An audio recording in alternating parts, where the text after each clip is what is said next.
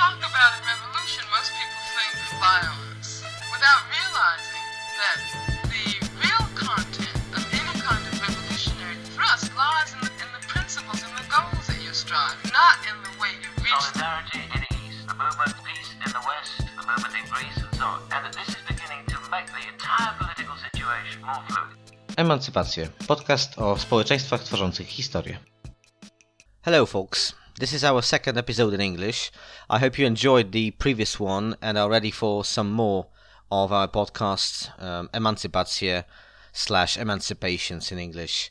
Today, we are making a pause in our mini series called Jews History Resistance.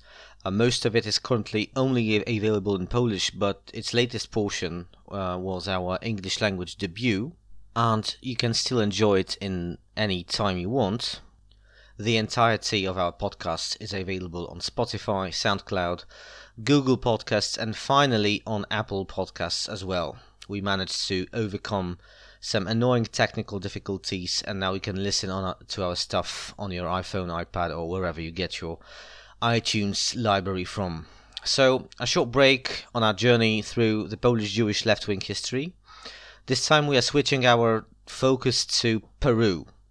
We're going to talk to Claudia Salazar Jiménez, a Peruvian writer and author of a beautifully written yet staggering novel uh, dealing with the tragic and extremely violent events of the civil war in Peru, sometimes called the internal conflict in Peru, but given the fact that it consumed about 70,000 lives, uh, ravaged thousands of communities around the whole country, and was a confrontation rooted in deep structural inequalities in the Peruvian society. And up to this day, the war influences local politics and social affairs in many different ways. It should be called what it actually was an all out prolonged war or at least a bloody terrorist campaign carried out by uh, both the ultra leftist guerrilla group The Shining Path and the authoritarian rightist regime of Peru.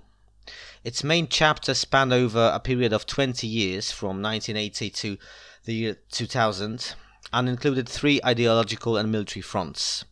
These were the government of Peru, officially democratic, in reality extremely violent and militarized, which had its peak in the right wing dictatorship of um, Alberto Fujimori, and a secret police warlord Vladimiro Montesinos, ironically, the son of devout Greek communists who had immigrated to Peru. Um, the Maoist terrorist guerrilla of the Communist Party of Peru, known as the Shining Path, that is the second front, led by Abimael Guzman, and the third one, the Tupac Amaru Revolutionary Movement, a Marxist Leninist guerrilla much less brutal and, and authoritarian, although still responsible for many abuses and bloody acts of unnecessary violence. But we are not talking about the MRTA, the Tupac Amaru revolutionary movement here.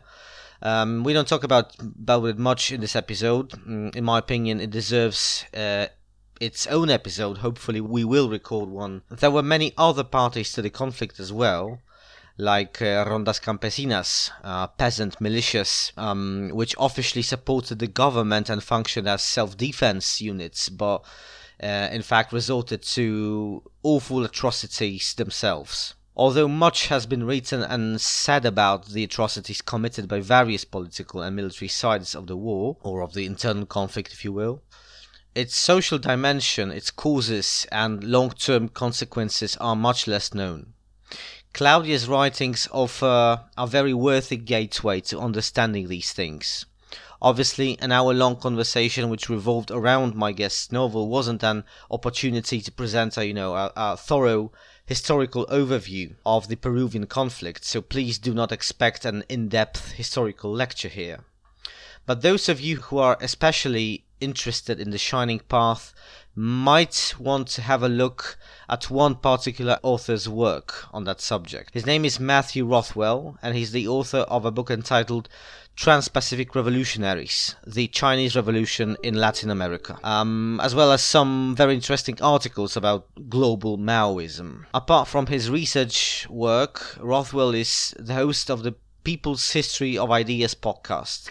This name is somewhat misleading as the podcast deals mostly with one topic the history of the Chinese Revolution and the development of Chinese communism but the content of this show is just magnificent, and it's of course an extremely wide topic or set of topics. It's an extremely in depth analysis of Chinese politics and social affairs from the mid 19th century up to the late 1920s, and that's a work in progress. There's, I think, 99 episodes and counting, uh, due to the fact that The Shining Path became one of the most prominent examples of the ideological exports from China adopted by a guerrilla movement outside of Asia. Matthew Rothwell devoted several episodes of its uh, to its history as well. And of course, this is the principal topic in his aforementioned book, which was published, by the way, by Routledge in 2013, exactly the same year when my today's guest book originally came out in Spanish. What's important, Matthew Rothwell's research and writing is meticulous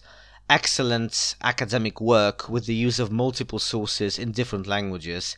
It's definitely not pro Shining Path, but the author himself underlines that it goes against the universal tendency of the mainstream to police anyone's interest in the group and its ideology. There are, of course, countless works on Maoism in China and abroad worth your, your attention.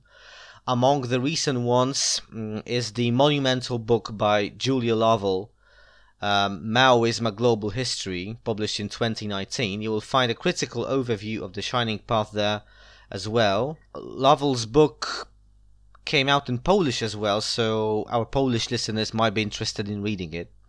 By the way, this episode will be published in Polish language version shortly. Now, I'd like to invite you to listen to my conversation with Claudia Salazar Jiménez, and let me remind you that you can contact us via Facebook, Instagram, or email me directly at emancypacjepodcast uh. You will find all the details in the show notes, of course. Today, I'm very honored to talk to a very special guest. Claudia Salazar Jiménez is an acclaimed Peruvian writer, editor, and literary critic. Described by numerous media and literary outlets as one of the most important voices of a generation in Peru, Claudia has not only written her own critically acclaimed prose, but also contributed to the popularization of the contemporary Latin American literature dealing with such issues as the experience of migration, LGBT identities, and many others. This year, her highly appreciated novel Blood of the Dawn, which came out originally in 2013, was published in Poland by Art Rage. This is Claudia's first work translated into Polish, but our English speaking listeners might have known her writing earlier uh, as that novel, as well as some of Claudia's previous works, have come out in English over the last decade. Currently, Claudia teaches creative writing and South American literature at the California State Polytechnic University in Pomona. Claudia, thank you so much for giving me this wonderful opportunity to talk to you today. Thank you, Jesse, for the invitation, and I'm very honored to be here. Thank you. Great. Okay, I'd like to begin with um, giving some context to our conversation, a historical one. Um, in this podcast, we have been interested in various aspects of emancipatory politics, including armed struggle and nonviolent left wing and democratic movements. We have a fairly left wing perspective here, but we enjoy carrying no precise ideological labels, and we have always been firmly critical of authoritarianism and ide- ideological deprivation, which has often led many movements to practically abandon any coherent left wing stance, although mm-hmm. on the surface they might have still presented themselves like the followers of an egalitarian idea. Mm-hmm. This has been very true in case of numerous Maoist groups, parties, and guerrilla armies. The Communist Party of Peru, commonly known as the Shining Path, is mm-hmm. perhaps the most prominent example. However, in your startling book, Blood of the Dawn, you show that despite its image as a kind of an estranged, bloodthirsty military cult coming out of nowhere, centered on the figure of Abimael Guzman or President Gonzalo, as they say, the Shining Path attracted people of all sorts of backgrounds, from university professors, as Guzman was one himself, and yeah. social workers to indigenous people from most impoverished um, and isolated regions of the Andes. Could you please tell us what made this multi-class mosaic possible? What made people of deep social conscience and knowledge come together with poor peasants under one political umbrella, such a specific one. What made people join the Shining Path over the course um, of years, uh, even though the scale of this movement's violence, most importantly, its lack of you know hesitation to turn against its own social base, the impoverished rural population, mm-hmm. in such a murderous manner, and yeah. political degeneration had been visible throughout 1980s and 1990s. In other words, yes. what made the Shining Path become such a an unique and so desperately brutal structure? Yeah, you just used the, the adjective that, that I was uh, thinking on. Brutal thing, right? Um, the, the history of the Shining Path uh, of the terrorist group, I think it is important to, to to name them because they were terrorists. I mean, they, they are still almost uh, non-existing, but uh, some groups are still kind of uh, yes. uh, keeping the, the, their ideology on. Okay, but what happened actually is it is uh, very interesting to know a little bit about the uh, history of the of this group. Actually, it was created by the you just mentioned Abimael Guzman.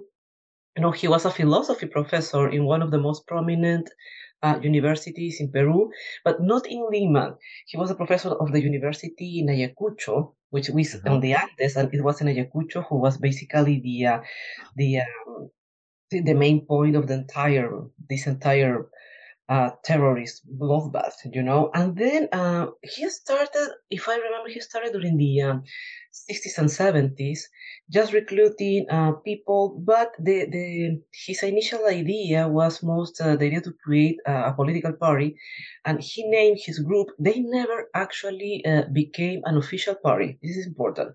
The group itself uh, took the name of um, Peruvian Communist Party.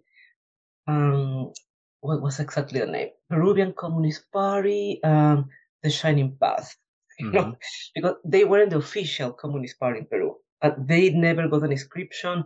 They never uh, went to any elections. You know, they were always on the margins. They were always on the margins because usually um, they were always on, on, on the margins of the um, of the of this vast uh, world of uh, leftist parties in Peru also. That's another issue in Peru mm-hmm. because the left is always be, has always been kind of uh, uh, very um, say I mean dispersed in say in a way. A lot of parties making of this the leftist side. There wasn't uh, was very difficult to find a moment in the on the uh, on the left uh, on the left uh, parties in Peru that they find or they have just one party. There's almost was very, was a very brief on time during the during the 80s, if I remember. But before that, you can find a lot of parties on the left side, and then Abimael Guzman just uh, create this group, just name this group as a as a as such, you know, using the uh, uh, Peruvian Communist Party. But it is important to say they weren't actually the original and the real, if you can say that political. Uh, I mean, the, the Communist Party in Peru, right? Mm-hmm. And that's what that's an issue the after or during the, the 80s and 90s because until now uh, it, it, it is it is still uh, still remains the idea that that kind of uh, analogy and people in Peru thinking okay communist communism is the same as terrorism mm-hmm. you know because the origin of the name of the of the shining path mm-hmm. and then uh, because um, because his radicalism. He was always marginalized by the left. And then he decided just to create a group and he was just you know um inviting people. And the majority of people uh, that that were officially it is possible to say that officially part of the of the shining path were mostly uh, people from the middle class. Mm-hmm. that's interesting. You know, people in the middle class mostly well educated people. Mm-hmm. and i think um, at the beginning the, the, the, logic is kind of uh, okay they want to see some kind of uh, social change in peru you know after the uh, um, the government of, uh, of the General uh, Velasco Alvarado during mm-hmm. the 60s, he made some reforms, but the reforms weren't complete. So they were trying to uh, to to create more profound reforms. But but the important thing, I think, at the same time, this was probably uh, one of the uh, causes of the failing of the Shining Path was the uh, the Maoism, uh, the Maoism tendencies of, of, his ideology, you know, because um, basically uh, why what uh, Guzman was proposing was uh, the idea of bringing the war from the uh, from the Andes to the city, you know, but Yes. being a communism party, their idea was uh, kind of uh, how, how can I say it was linked to the idea of the proletarians, you know, hmm and bringing those ideas to a society like in Peru and being based in Ayacucho in the Andes, you don't have proletarians, you have peasants. Hmm And I think that was one of the problems that, that actually uh, conducting conduced uh, the shining path to, to the failing because um, they were very ideologized, a very ideologic uh, party, and um, because they were kind of trans, translation, it is possible to say that in a word, the translation to Maoist ideology to the Andes, you know, you have very different historical context. That's not possible. you have you have to do anything different, you know. And I think the uh, I think there are there are some uh, several studies uh, working on this, but the idea is uh, in this process of translation, they found that definitely, I mean, the, the reality in Peru is totally different to reality in China during hmm the Cultural Revolution. So they exactly didn't know what to know, how to adapt this idea. Mm. So, but basically, that's just okay. They were forcing the peasants to be part of them. You know, basically, the the middle range and the uh, I would say the, the high authorities of the uh, of the Shining Path were mostly middle class, well educated people, but they were forcing the peasants to be part of the uh, of the party. You know, hmm and, uh, basically it was or, or you are with us, and if you're against that, you're gonna die. That's Mhm. how the, the process starts, you know. And a lot of people refuse to be part of them. A lot of peasants, they didn't want to. They, have no idea what they were talking about. And they say, like, okay, they, they are talking us about uh, Lenin, about Mao, about uh, communism, proletariat, but we don't know what they are talking about, you know. Actually, Mhm. and the only thing, uh, the, the majority of the thing the, the peasants know, what actually uh, the Shining Path were killing the authorities. You know, the, in, in the forcing to convince, you know, convince with quotes, uh, convince people to be part of the, the Shining Path, they were just killing them.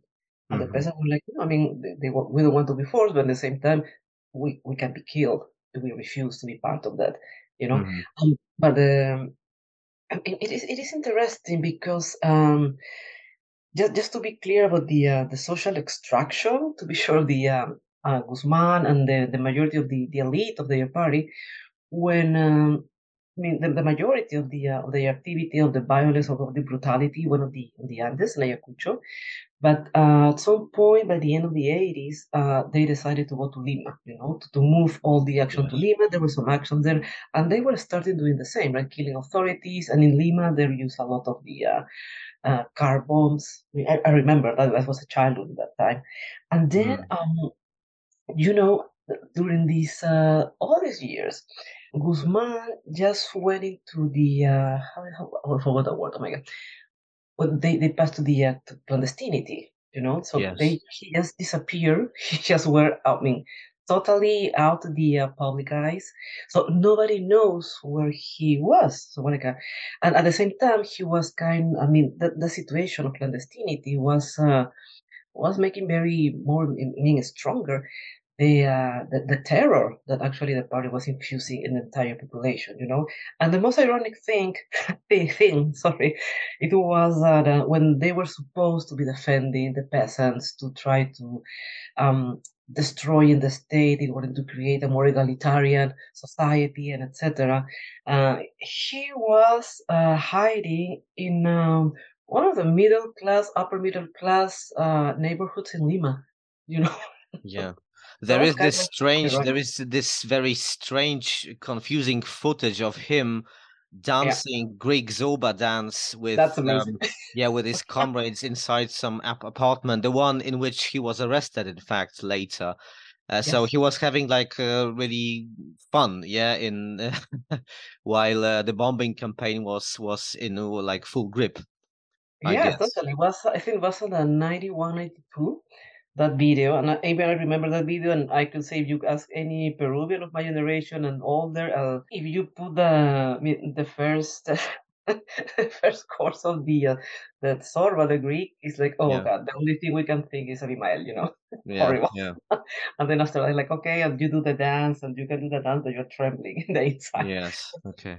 And, and this is amazing because the, those videos, yeah, those videos were, were found in a very upper class neighborhood. And then when they, uh, I mean, it was like after, I think those videos were released by the end of 91, and he Mhm. was captured on September 92.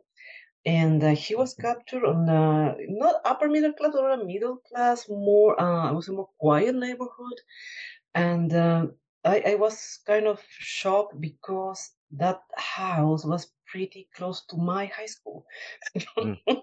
so I, because I have some of my classmates living very close to that, and I remember that street because I was thinking, oh my God, I was crossing on the street. Maybe Abimael was looking for the street.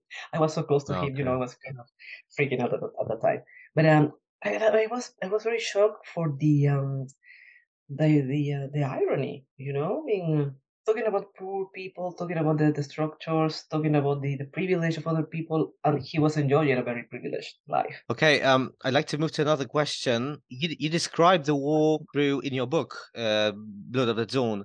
You describe the war through the eyes of several women. Um, although they are fictional characters, one can see traces of biographies of authentic individuals in their stories, of course.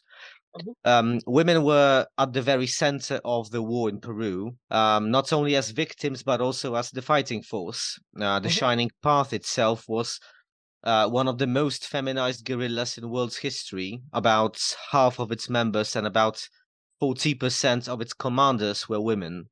Perhaps this is why women, especially those from indigenous communities, became subjugated to horrific violence, including the wide use of um, rape and sexual harassment as means of warfare, mostly from the hands of government soldiers and militiamen. Nevertheless, in Blood of the Dawn, you are evoking examples of women's solidarity, certain tenderness of one towards another. It is definitely not a book about, not only a book about being assaulted and subjugated to suffering, but also about overcoming the past and starting anew uh, against all odds, I believe. So, how did the experience of the Civil War affect the contemporary women's movement in Peru? Yeah, that's a very good question because the Blood of the Dawn is a book uh, that the- his, I mean, its view, his point of view is based on these uh, three women, you know, and uh, it is a narrative that is actually trying to, um, what I was trying to do with, with Blood of the Dawn is to uh, retell the story of the armed conflict in uh, from the point of view of women, because usually, I mean, any kind of uh, of armed conflict is usually uh, narrated from the point of view, from the masculine point of view, and this is the usual. You know, the generals, the soldier, all the authorities, the the great political leaders. You know, and, and um, mostly. Uh, I mean, usually the voices of women are kind of silenced, and it's very difficult. I mean, to know, uh, to have a, a, a comprehensive history of any kind of woman, of any kind of historical process without women voices, you know. And uh, in recognizing this, I think uh, if I mean, the, my novel is uh, is um, ba- is uh, in a very uh, it's making echoes on what is happening in the feminist movement in Peru. You know, the feminist movement in Peru, I mean, is doing um, some steps. Some say making some steps in the uh, in the process of egalitarian, you know, gender relations. But Mhm. uh, I think it's very difficult to to achieve um, to achieve even more important things in Peru. I'm thinking now in the process of you know the abortion, of even Yes. the egalitarian um, egalitarian marriage. Also uh, thinking on LGBTQ communities also, uh, because Peru is a very conservative society. I mean. I I, uh, I, def- I always like to say that it's the last. Uh, how to say that it's the, the last, how the, like the last part of the colonial process in South America. I Mhm. think probably it's going to be the last country at some point. If if this is happening, it's going to be the last country approving any kind of egalitarian rights in recognition of the uh, fundamental. Fundamental right of fundamental women's rights you know specifically the access to, to abortion just to say an example. And um, the, the part of that, uh, the the novel, I mean, the, the reception of the novel in Peru, I was kind of amazed because of uh, the, the readings of the Blood of the Dawn just got in Peru were mostly um, from a political position. hmm It was read it was read more uh, for like uh, political work and etc. And it was amazing because some people were saying uh, it was kind of uh, pro Shining Path, which is not. So other people were saying Yeah. pro the state, which is not either. And also people say, oh, it's a kind of a neutral point of view. I say, no, it is not either. So, hmm uh, but surprisingly, uh, was very few people in Peru that got the the female perspective of the uh, of the work, which is actually central for the entire for this entire Yes. narrative. I mean, if you don't cut this, it's like a you're missing or you're blind for that. I think in Peru there is a general blindness about uh, about women's right, and in a in a very different um, a very different side. It was uh, in Argentina, for example. They they got it. they make the reading from the gender and sexuality uh, perspective. For me, Mhm. was yes. I mean, this kind of reader, but it's you know, it's um, it is it is so interesting because in Argentina they make a, they they have made a lot of progress in this movement. I mean, that the Yeah. feminist movement in Argentina is is amazing. They they had a lot of. Uh, I mean, it's like a we we have a, a lot of years in difference from Argentina, you know. And uh, when you see that in Peru, it's like okay, um, until now, um, it, it is interesting also to uh, try to understand why. Uh, uh, Blood of the Dawn is still relevant in Peru today after 10 years of being published, you know, because usually, uh, I mean, at that time, at this time, you know, um, because of the, uh, I would say the, the velocity of the publishing market, you know, all the Mhm. books are like, you're published and maybe the next year people are, maybe the next year people are Mhm. still reading your book, you know, it's very difficult to kind of uh, maintain the readership during such a, a long time. And I think, uh, this, uh, this relevance of the novel until last, until today, uh, definitely has to deal with the uh, with the situation of women in Peru. You know, and uh, Yeah. the situation women in Peru is, is kind of uh, it's pretty horrible because we the, the, our number of uh, feminicides is very high. hmm The number of uh, of rapes in Peru is very very high, It- and the numbers of rape to uh, to women under girls under fourteen is Mhm. So it's kind of you can you can understand why, you know, because I think at the same time Blood of the Dawn is not just a novel about the the, the time of the, the in Peru, you know, the the armed conflict. I think it's most uh, mostly a, a novel about violence against women Yeah. and how women can survive and how women can can continue with their lives even with all this violence.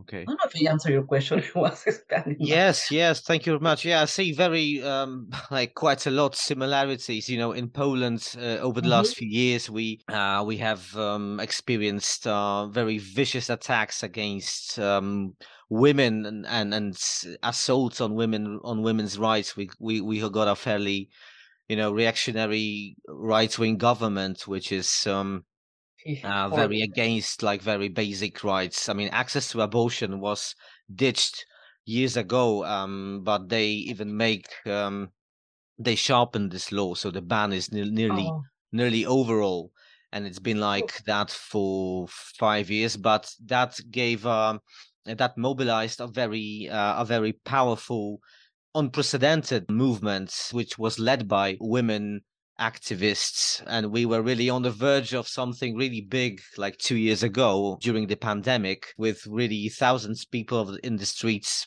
protesting against this really unhuman law imposed by current government yeah and this is this is when some connections between polish and argentine feminist movement began because that was the time when the argentinian women were demanding their rights to um, to legal abortion yeah, yeah. Yeah yeah so so these movements of course the political circumstances were pretty were very different in in in those two countries but yeah this was the some somehow that was the moment when hmm some latin american inspiration for the feminist movement were coming also to you know faraway country like like poland so uh, this is why i think that um, was it um basically the uh, the Ni Una Menos, not one less movement, right? yes yes yes Yeah, yeah. The huge Exactly. movement. Yeah. yeah I, I I can see some connections and i think i hope that uh, this is why like your book may be very interesting for people also in this country Okay, I'd like to move away uh, for a moment from the events depicted or alluded to in your book, uh, if you don't mind, and ask you about um, the role of media in the Peruvian War.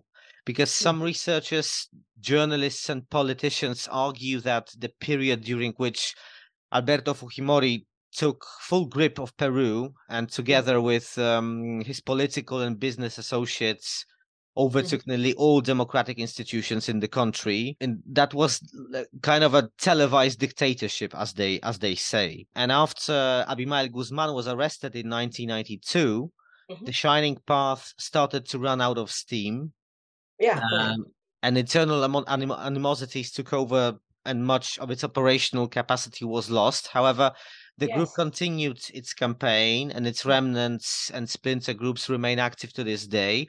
We will get to this uh, uh, later. Fujimori managed to convince the white public that the terrorist threat was still imminent and the militarized regime and authoritarian measures should be upheld. Yeah that was also the time when when this guy Vladimiro Montesinos was was a very powerful figure. yes. Uh, ironically, he's a son of staunch Greek communists, as I as I as I learned, who immigrated to Peru. That's hence his name Montesinos. Uh, that's a Oh. Greek name. Uh, that. Yeah. I didn't know that. yeah, and his full name is Vladimir Ilyich Lenin Montesinos, I guess. Ah, yeah, the name, yes, totally. Yeah, but Yeah, some mm, uh, I remember very very well the um, you know the 1996 events in Lima when the Tupac Amaru revolutionary movement stormed the Japanese embassy and took ah, hostage that's yeah, yeah, yeah, those yeah. inside the premises. So that was also a heavily televised event, uh, broadcast worldwide. I have, a, like I said, a very vivid memories of it. So, Ah, uh, what can you tell about the role of the media in keeping the fire of the war burning throughout the 1990s? Yeah, it is difficult to say about um, th- there's just to start. There's a kind of uh, even dispute, you know, about about uh, what will be the, the the year of the ending of the uh, of this uh, armed conflict. I mean, mostly I would say it's '92, right? Because when when the, the day when Abimael was captured, and uh, was totally, I mean, totally clear that uh, that you just mentioned, right? The Shining Path lost a lot of steam, almost all of the steam after the uh, the Abimael was captured, because mean, uh, Abimael was based their basic their um their main. Um, the main focus, the main the, the main and only leader, you know, after him probably was a couple of people that were trying to uh, to continue the attacks, but uh, it, it wasn't the same because at the same time, um, uh, Alberto Fujimori was trying. I mean, he definitely um, assumed all the uh, the process of the capture, and he was hims- uh, presented himself as the savior of the nation. This was very interesting, right? Because uh, he was saying, "Okay, with me." Uh, the nation is safe now. All the citizens of Peru are totally fine because we uh, we just uh, won over the shining path, right? That that, that was the uh, the discourse of the savior. So at the same time, it is the what they were trying to do because they know the shining path was almost uh, disappearing. Um, supposedly, what they say that the official discourse was was the uh, some people, some remainings of the shining path, shining path was to the went to the uh, the North Amazon region, and they were in, more involved with uh, narco traffic. You know, Mhm. that was the, the idea, Yeah. and that that discourse uh, remains until today. You know that there is a a region in Peru that well, all the uh, coca production is, is done there, uh, that is named the Vraem zone. Mhm. That is what everybody knows is actually is I mean the shining path is maybe there, but they are not even thinking probably on doing more, you know, uh, more uh, continuing the war, because I think it's, it is most mostly a, a narco traffic uh, area, maybe in the hands of who knows what kind of cartels they they have there, and the and the names of the I mean I mean it's very uh it's very difficult to know because the uh, the army is there. Uh, and you do have you don't know probably what uh, links exist they and all these political you know political actors and people trying to get in some uh, some some no I mean a lot of money from the coca from the coca business you know Yeah. so what happened with the with the media after that time, um, it, it is strange because uh, that, that it wasn't like uh, one was expecting. You know, find some uh, some people of the army, some soldiers in all of these uh, broadcasting networks. It wasn't like that, actually. it was like, oh, but what happened actually, I think that the majority of the um, broadcasting media at that time, even the TV or mostly uh, newspapers, were by the side of the uh, of the government. I mean, we're all. It is possible to say. I mean, it, it is tricky to say that they were controlled by Fujimori and Montesinos. That was the idea we had at that time during the 90s. But then at the end of the 90s and the, and the 2000 year, what, what, one, one of the, uh, of the causes of the Fujimori's fall, you know, was the, a lot of, uh, they, they have this name, Vladivideos. A lot mm-hmm. of videos were released. Nobody knows for, by whom, you know. Mm-hmm. A lot of videos were released by Vladimir Montesinos giving tons of money to a lot of people, including the owners of this broadcasting news, you know. So there wasn't a repression by a rifle or by a tank in front of your building. It is possible. It wasn't repression. It was corruption. Okay. I mean, it's important to say that, right? I mean, uh, one thing is I'm going to repress you, mean showing you, mean threatening your life. But I say, but what if I may I'm offering you millions of dollars? you have to say, yeah. you accept, you're, you're accepting that. That is basic corruption you know so um it, it is very uh it's difficult to say i mean i think this official narrative that uh, fujimori was the savior of the nation was definitely propelled by all the media because they were, I mean, were, were part of this uh, of this uh, corruption network. You know. I'd like to ask you what was Peru in the 1980s and 1990s like, and what's what how was it to be a young woman in Lima, and uh, what can you tell about the situation of young women in the far in the province, like in Ayacucho, for example? What was the difference? What was the experience of being young in Peru generally at that time? Yeah, thank you, thank you for the question. I was a child in the, the 80s, so uh, but but I remember. Uh, I mean the, the the the common situations, yeah, that you're basically aware well after the time, right? Because when you're a child, you're just just living in the present, you know. And uh, if I have to compare, I was in Lima, which is the, the capital of Peru, and uh, Peru, Peru is a very uh, centralistic uh, country, yeah. you know. So if you can say in Lima, um, I mean, you're middle class, uh, that's okay, but uh, at the same time, this was a kind of, uh, how can I say, I think at some point was a kind of very closed country, closed mm-hmm. in the meaning of uh, very uh, involved in, in its own, you know, not receiving much idea from international cultural influences, uh, because, uh, I mean, uh, it was a very uh, poor country, always in crisis. I mean, I always remember being a child, uh, mm. this war, we are, we, are, we are currently in an economic crisis. We are doing so bad, you know. Always Peru as a, as a, as a country in crisis. That was my, my general idea, even until now, you know, and, and now I think it is it's worse by, by several reasons, but um, the 80s was the idea of um, we almost had, had no, um, we are not living well. That mm-hmm. was the general idea, I think, for the entire population. And I'm thinking of people in Lima, you know, in yeah. Lima, which is the main country with probably most access to, uh, to, to resources in general. I mean, uh, only I mean, I only could imagine what would be like for people in, in the Andes, mostly, mostly in Ayacucho, with, which is um, until until now uh, the the poorest regions in the country, mm-hmm. the poorest one in a country in crisis.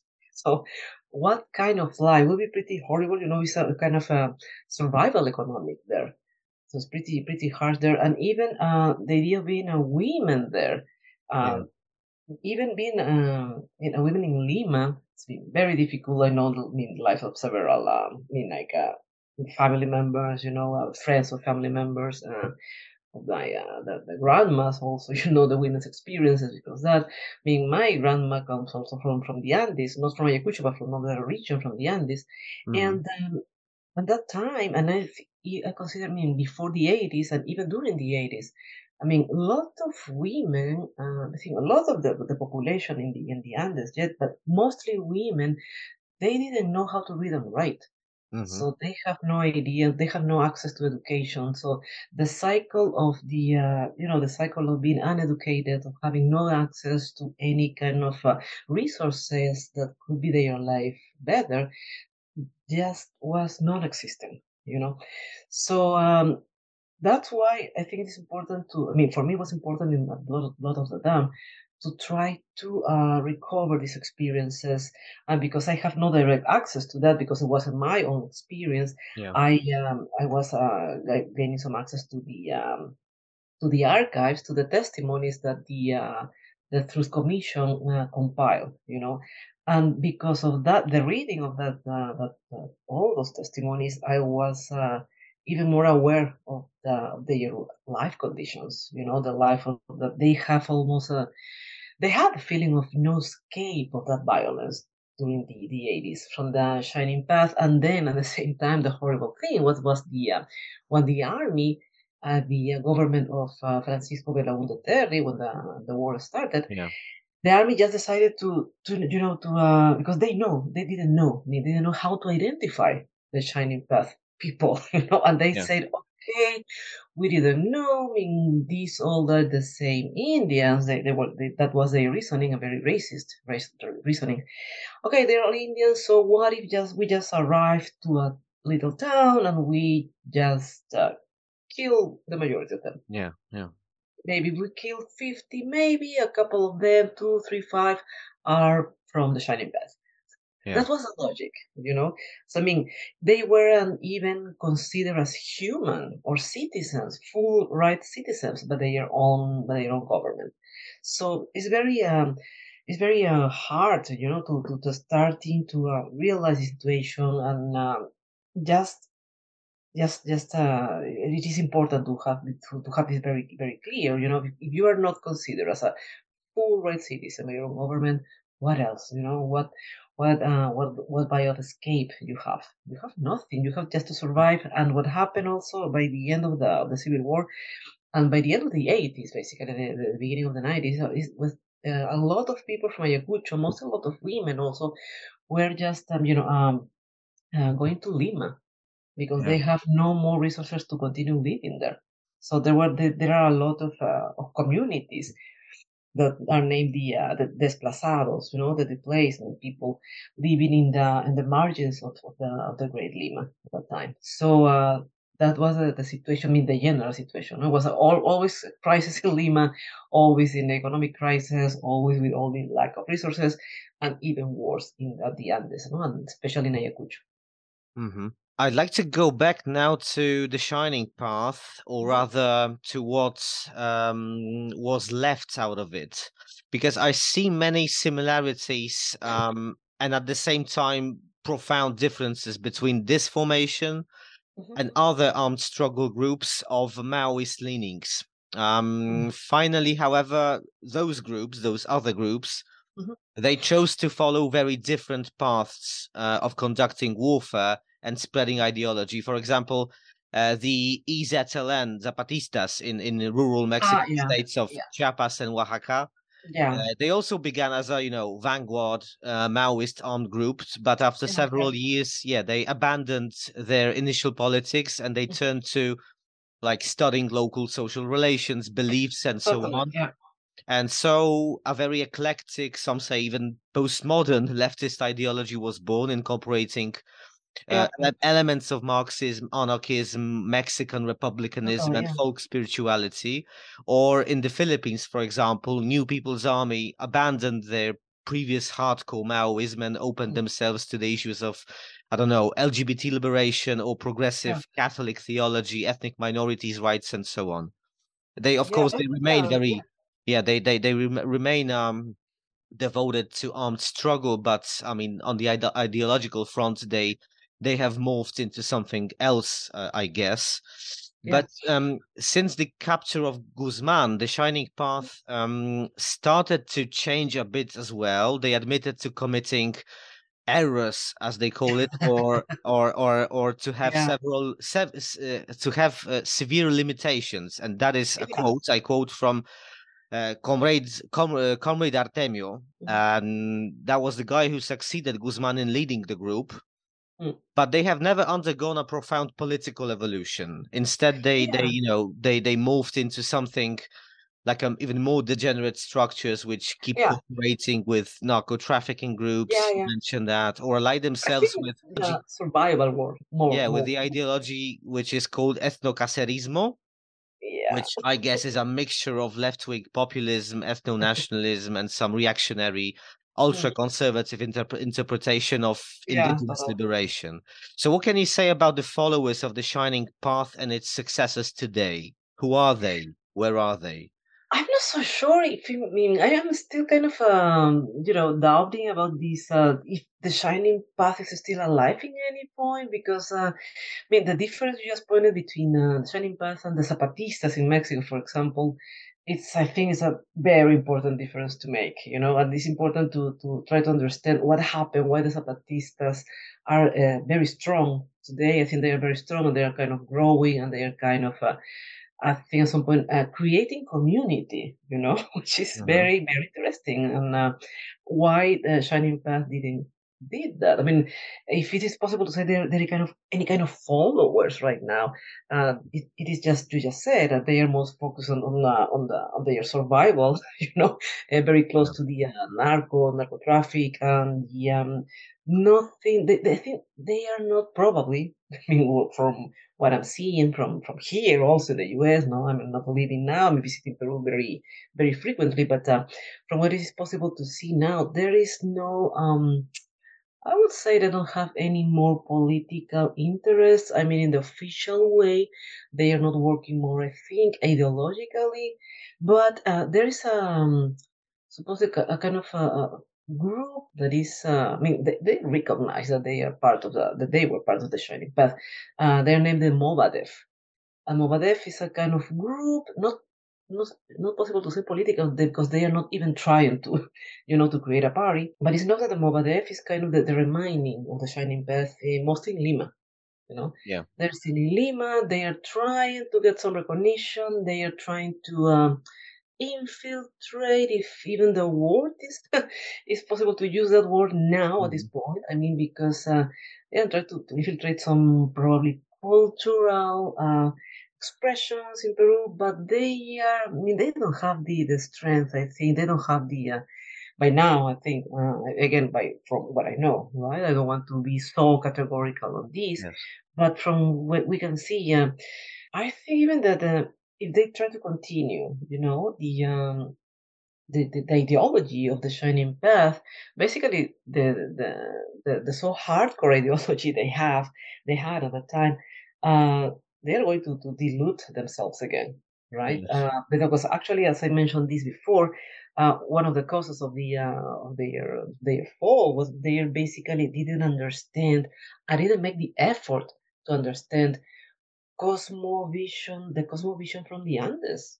You know, Yeah. I mean, what this actually the Zapatistas understood they had to do. You know, they had to understand the, the indigenous cosmovision in order to create some community and try to make a, any kind of progress with that.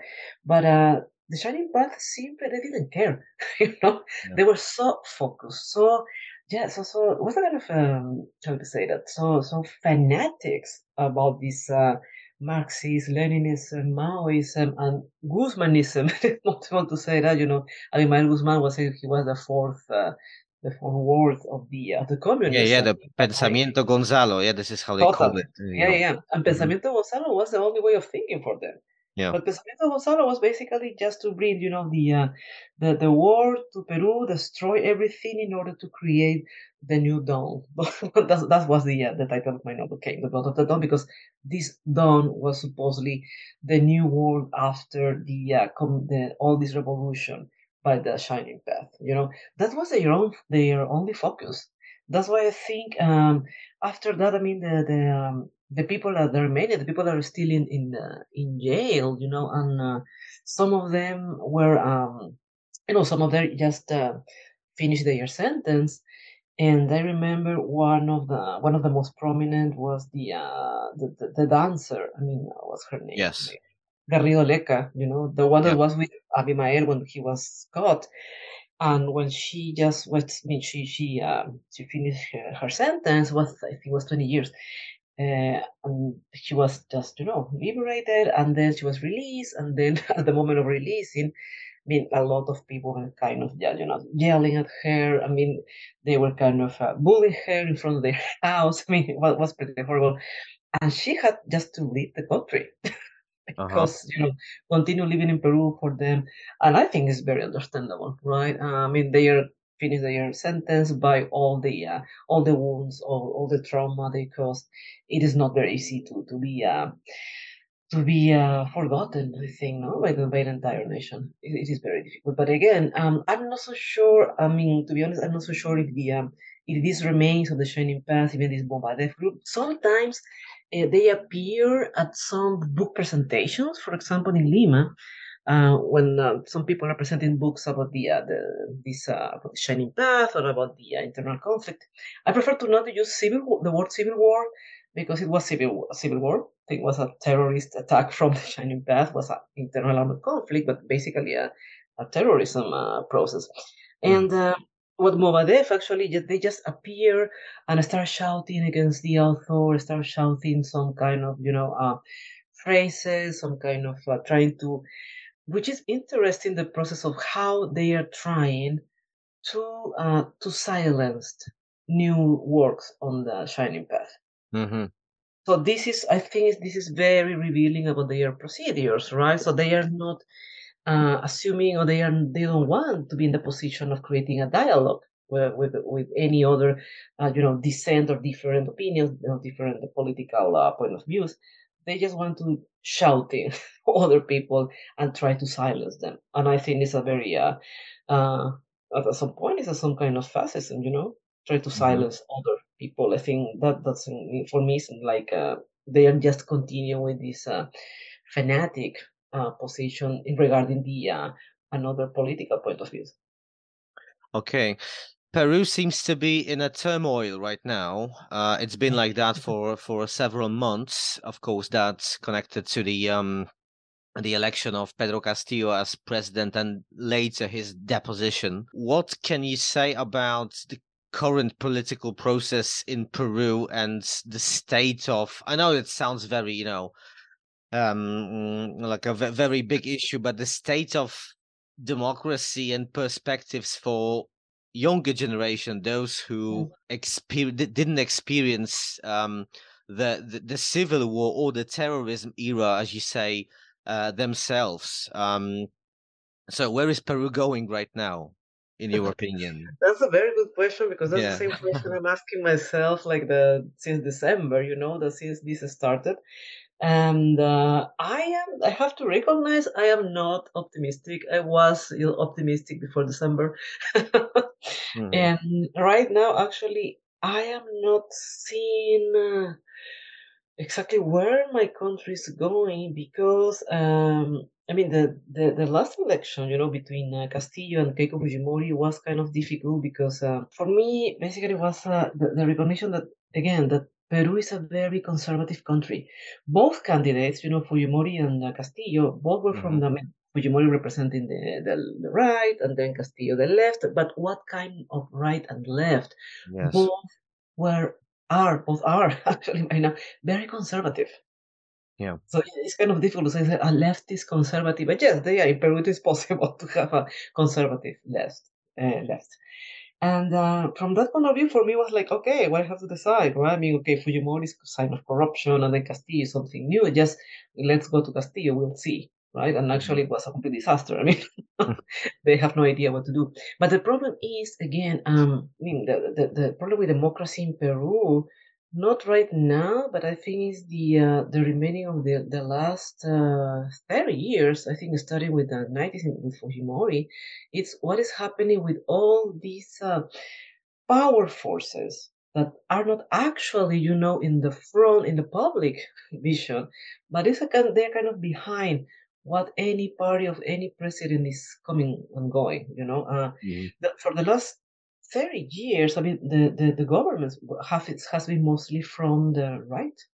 Yeah. I mean, we had a lot of right, uh, I mean, right parties uh, in the government, and probably the exception was the Ollanta Humala. He was elected as a leader Yeah. from the left, and uh, when he was elected, basically, um, he was I mean, he was bringing a lot of the uh, leftist and progress, progress, progressive ideas, but was uh, mostly co-opted but by the right.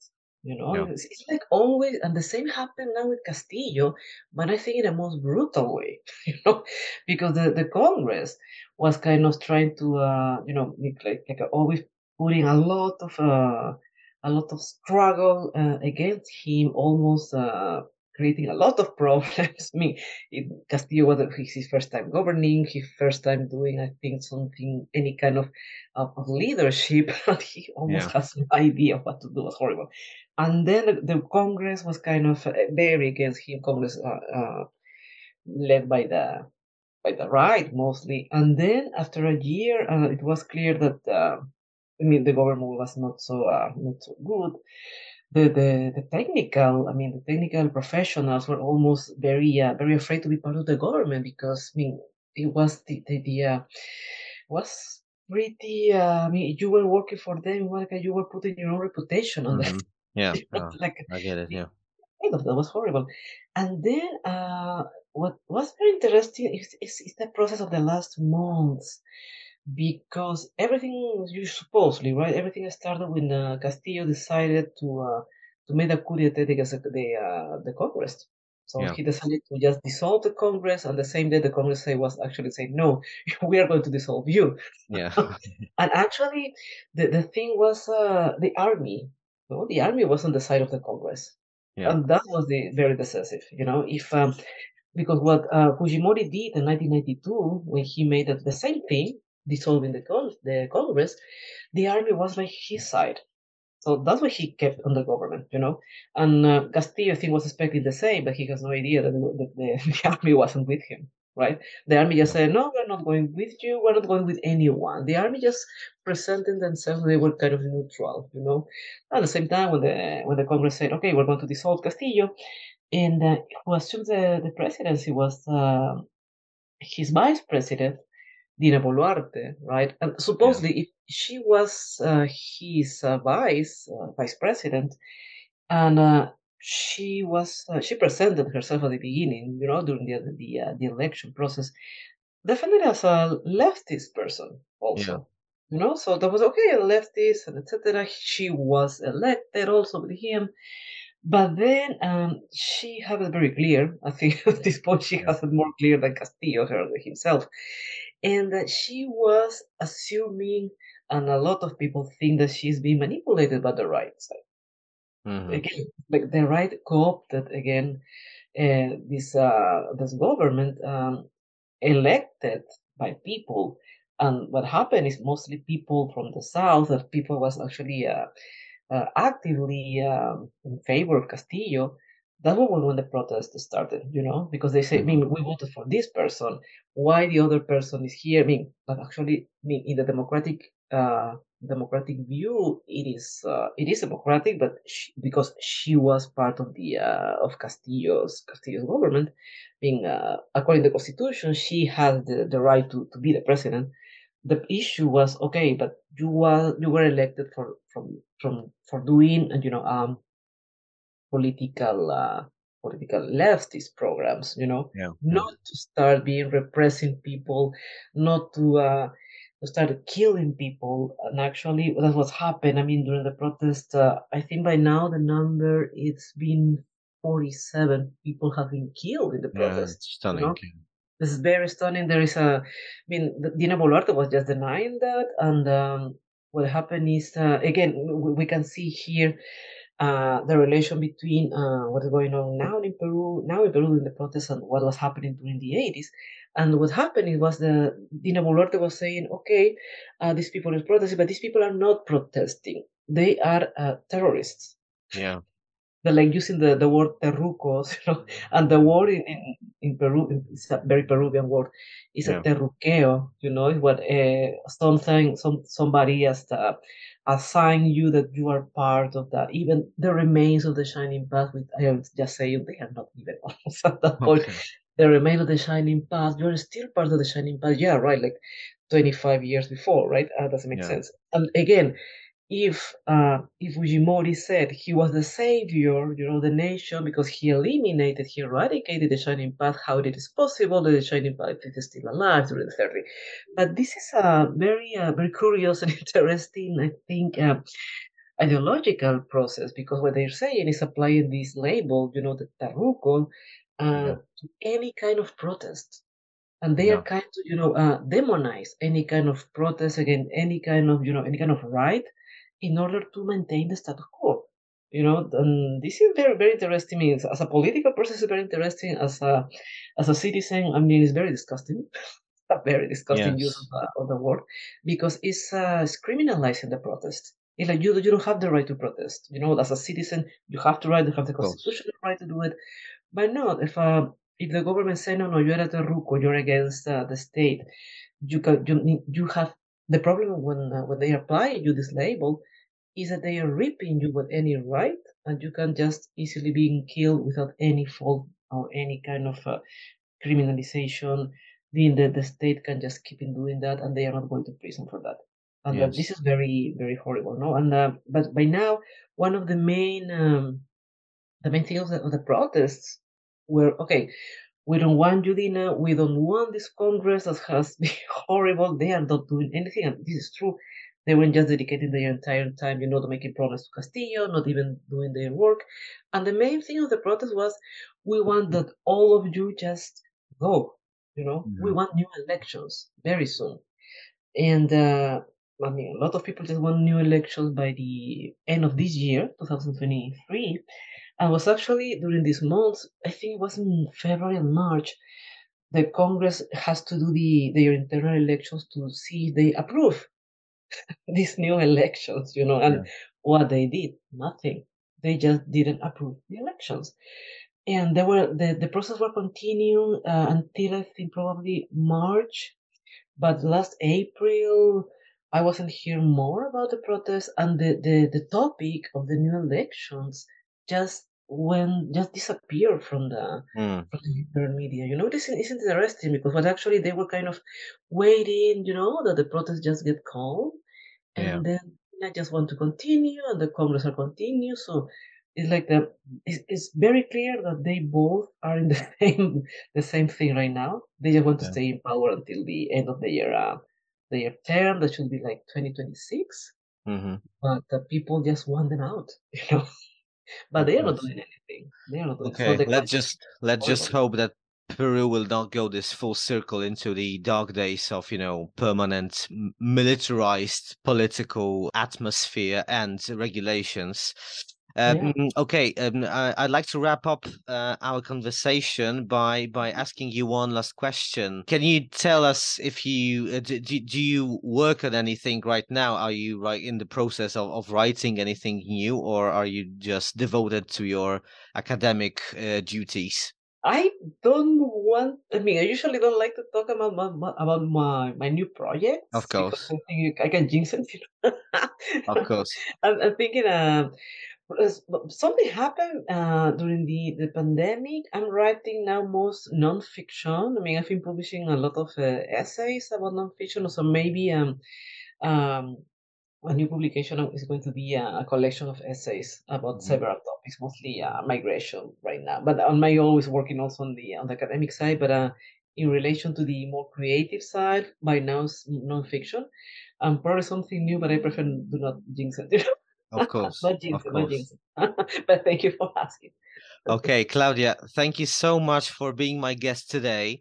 Uh, that was really a pleasure and was a fascinating conversation. Thank you very much. Thank you, Jacek. Thank you.